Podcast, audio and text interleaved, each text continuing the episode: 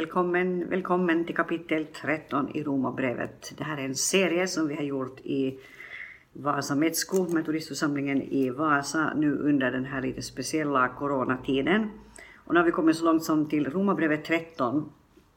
Låt mig bara säga att orsaken till att vi studerar Bibeln så här och överlag orsaken till att vi tror på att läsa Bibeln och lära sig att läsa Bibeln är att vi förväntar oss att Gud fortfarande är en Gud som talar till människor. Han talar primärt genom det skrivna ordet, det vill säga genom Bibeln, men han talar också på andra sätt. Så det handlar inte bara om att läsa Bibeln och studera den. Det handlar lika mycket om att eh, träna sitt hjärta till att lyssna till Guds röst. Um, hela Nya Testamentet um, är ju full av exempel på att uh, människor upplever tilltal från Gud på olika sätt. Eh, att, eh, att han kommer nära och att han talar till dem. Och det här sker på många, många olika sätt. Eh, och därför är det viktigt att träna sina inre öron så att man hör det som han säger. Och på det sättet så blir också relationen med Jesus någonting som verkligen lever och är, är verkligt. Men nu har vi kommit till Romarbrevet 13 genom ett kapitel genom vilket Gud definitivt också vill tala till oss idag, 2021. Det är ett kapitel som egentligen kunde delas in i tre delar. Eh, den första delen handlar om den troende människan och överheten. Eh, den andra delen, vers 8 till vers 10, handlar om den troende människan och eh, människor i hennes närhet och hur vi lever tillsammans med varandra. Det har vi varit inne på tidigare så det kommer jag inte att kommentera så mycket. Jag bara läser det alldeles snabbt. Och sen eh, vers 11 till 14.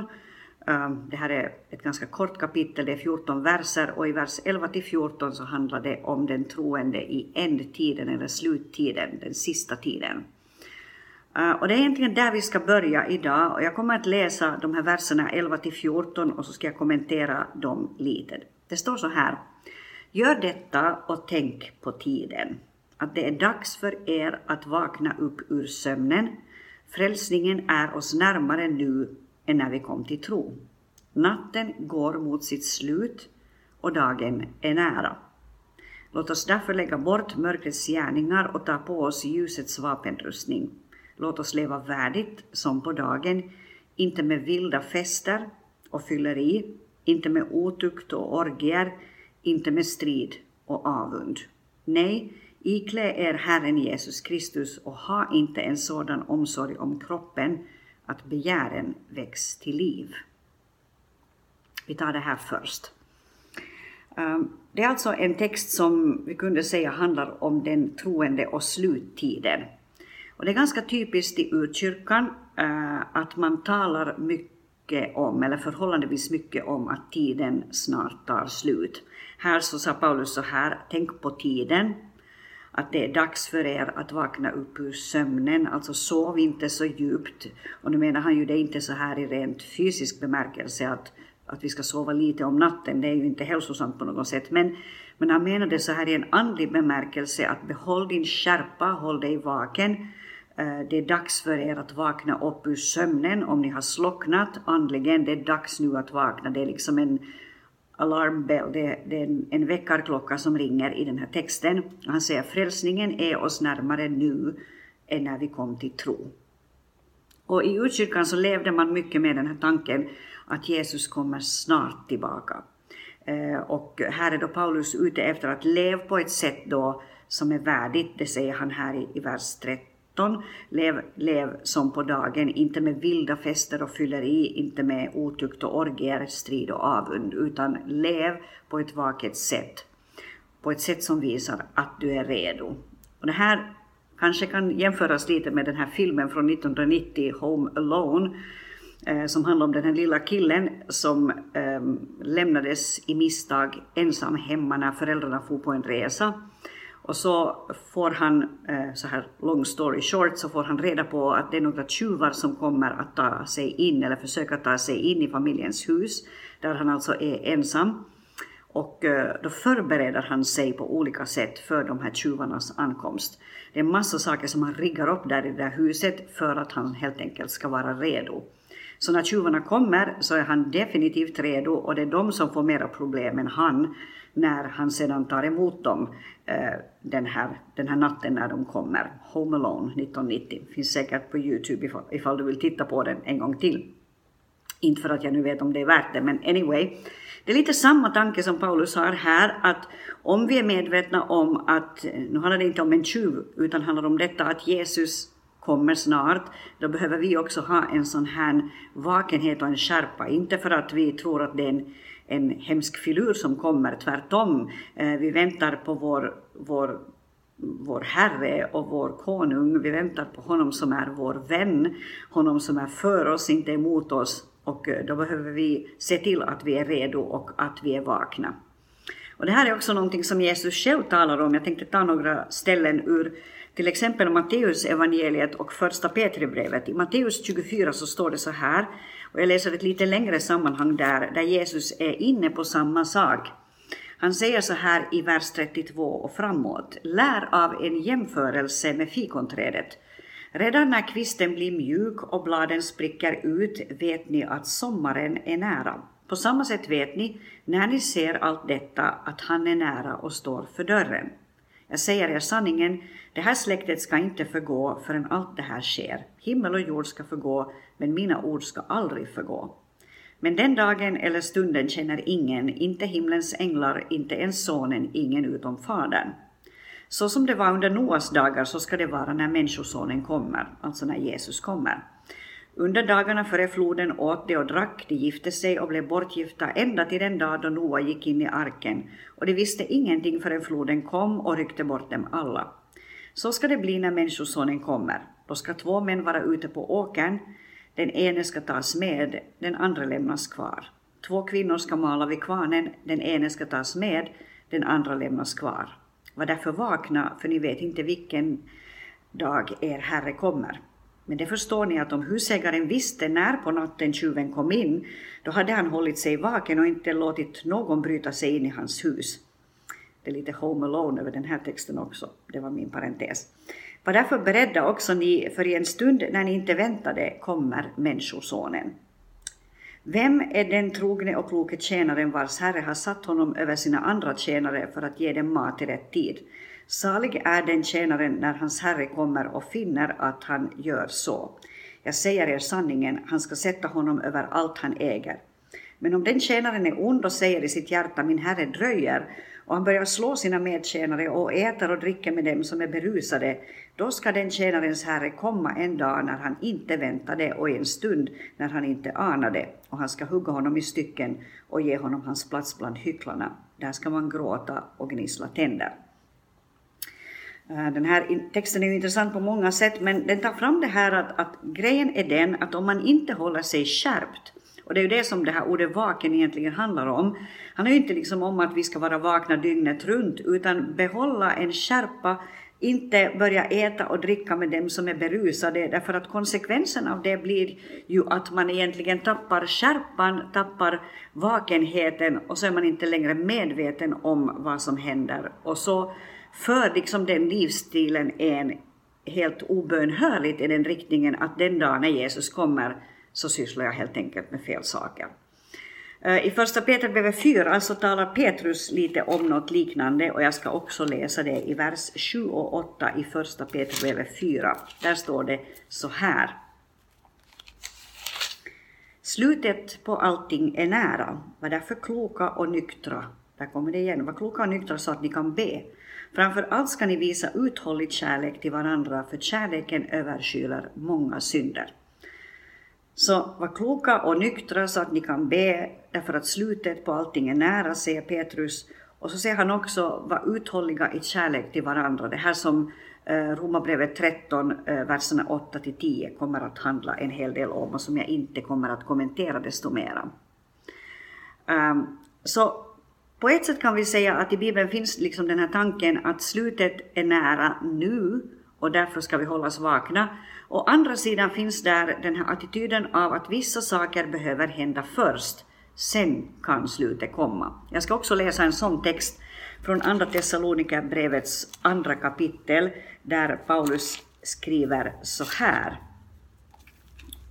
Och, och då behöver vi liksom sätta ihop bild 1 och bild 2 för att inte bli ensidiga i vår tolkning. Så å ena sidan kan han komma nu, ja, vilken sekund som helst. Å andra sidan säger Pet, förlåt, Paulus så här i vers 1 och framåt. När det gäller vår Herre Jesu Kristi ankomst och hur vi ska samlas hos honom ber vi er bröder att inte plötsligt tappa fattningen.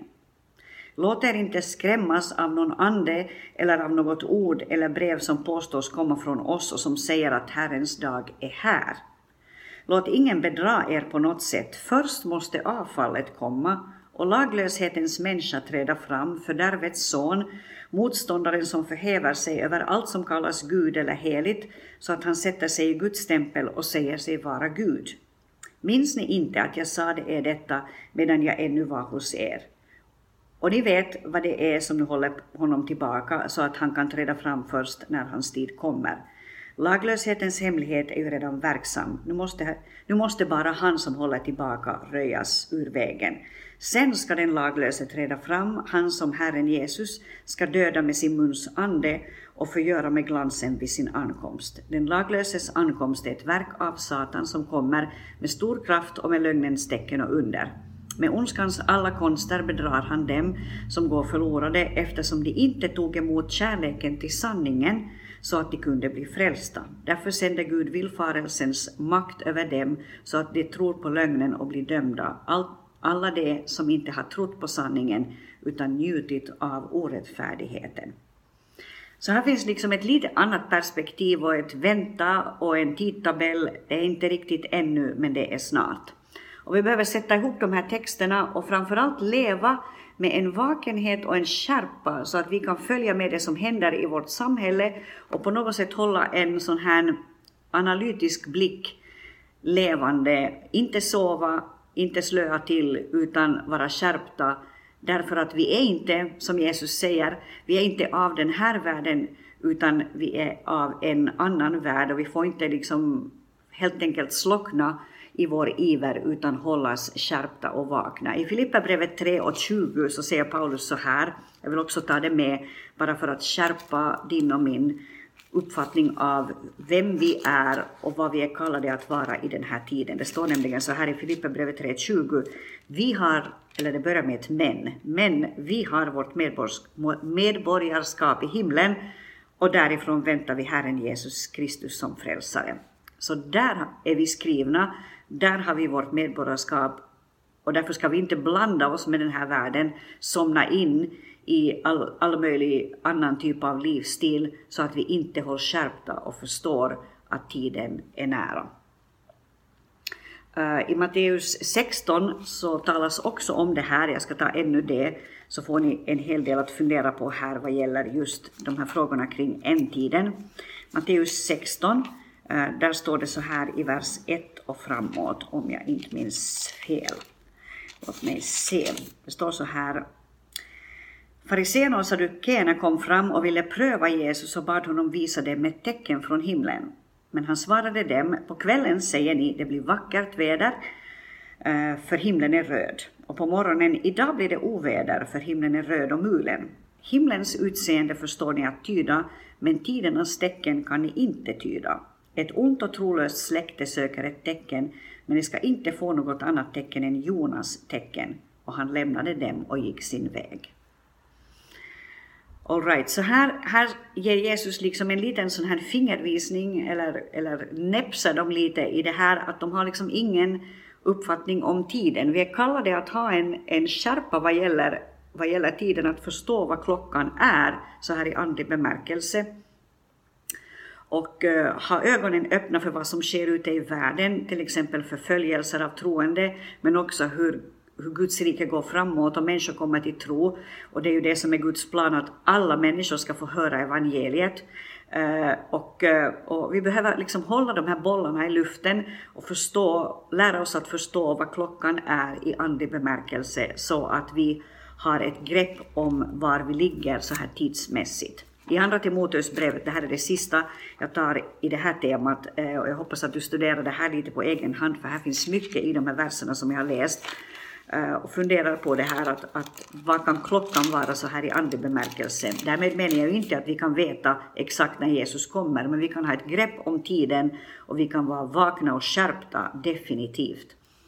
I vers 12 står det så här i Andra Timoteusbrevet 3 att eh, så kommer alla som vill leva gudfruktigt i Kristus Jesus att bli förföljda. Och det är liksom en bild av det som sker ute i världen idag med många, många troende. Och det är en del av den tid vi lever i som är liksom upptakten till det att Jesus ska komma tillbaka. Så det är den situation som vi lever i och eh, därför behöver vi hållas vakna. Nu går vi tillbaka till Romarbrevet 13. Det stod också där i slutet, jag vill bara ta fram det lite så här, därför att det handlar om en viktig sak. Det står så här, låt oss leva värdigt, det är alltså vers 13, värdigt som på dagen, inte med vilda fester och fylleri, inte med otukt och orgier, inte med strid och avund. Nej, iklä er Herren Jesus Kristus och ha inte en sån omsorg om kroppen att begären väcks till liv.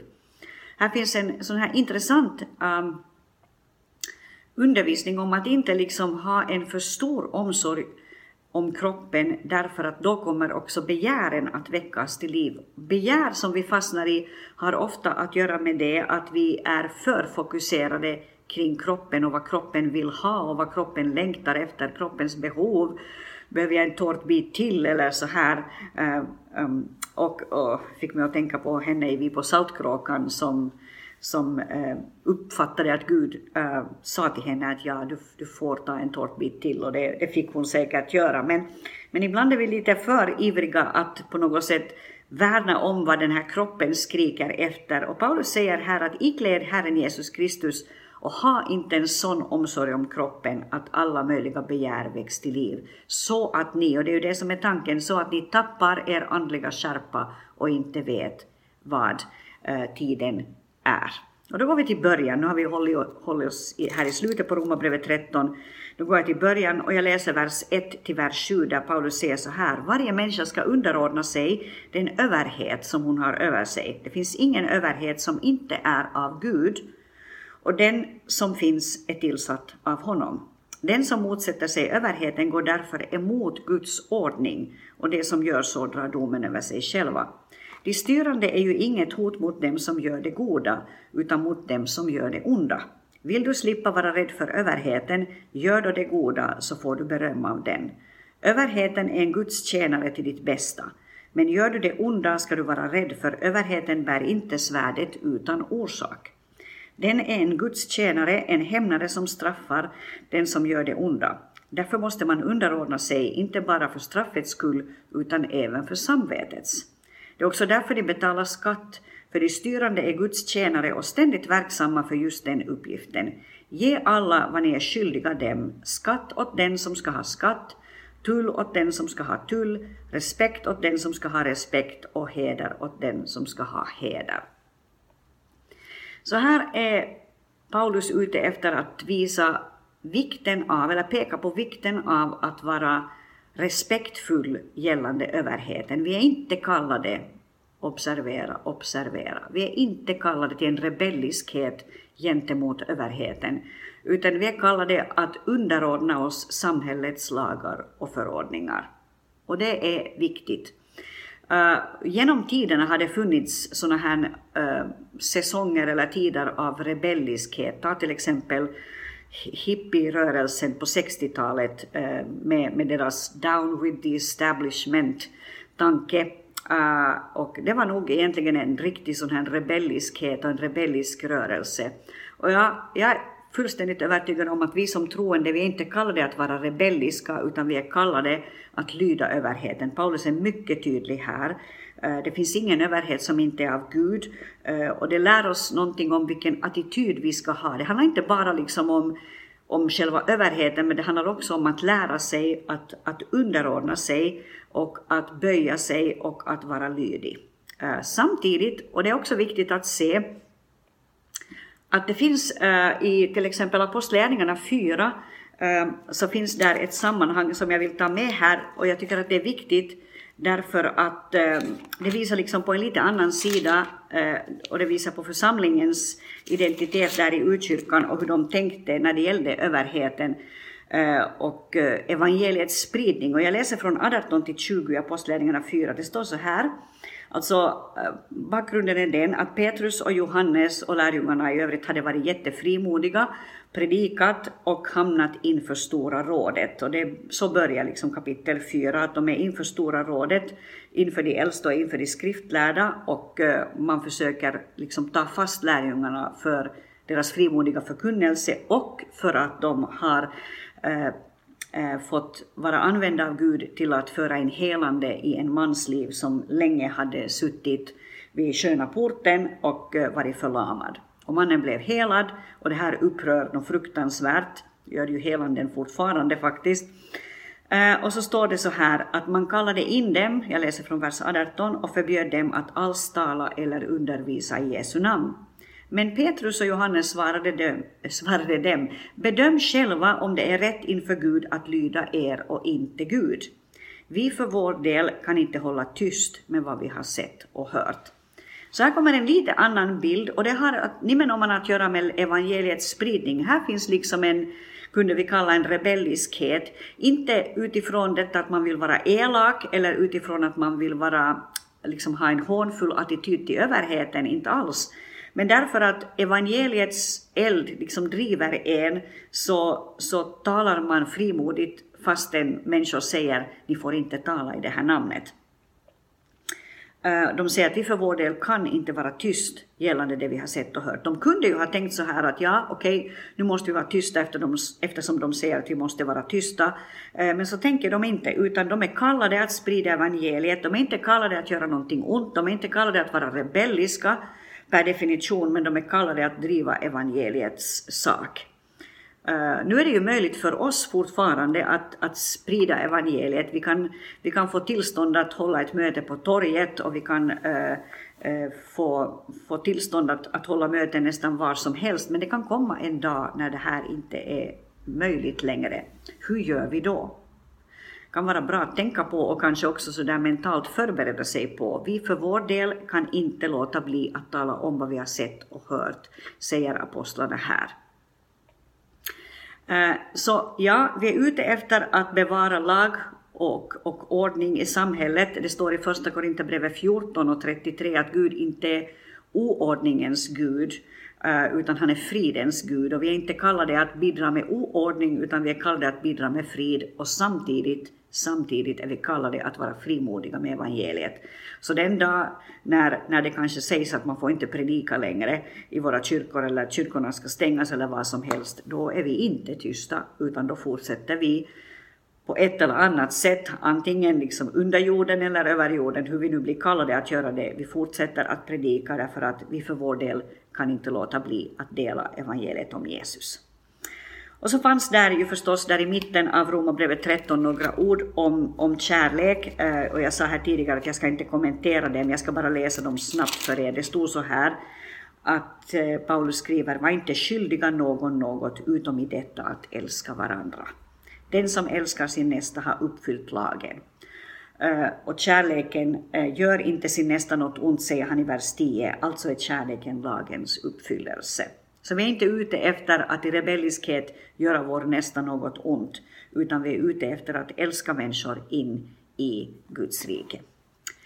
Och då fortsätter vi nästa vecka, då har vi kommit till Romarbrevet eh, 14 och snart så är den här serien slut när Eh, vi kommer så långt år 2021 som till maj månad, så då har vi gått igenom eh, Romarbrevets alla 16 kapitel. Tills dess, ha det bra!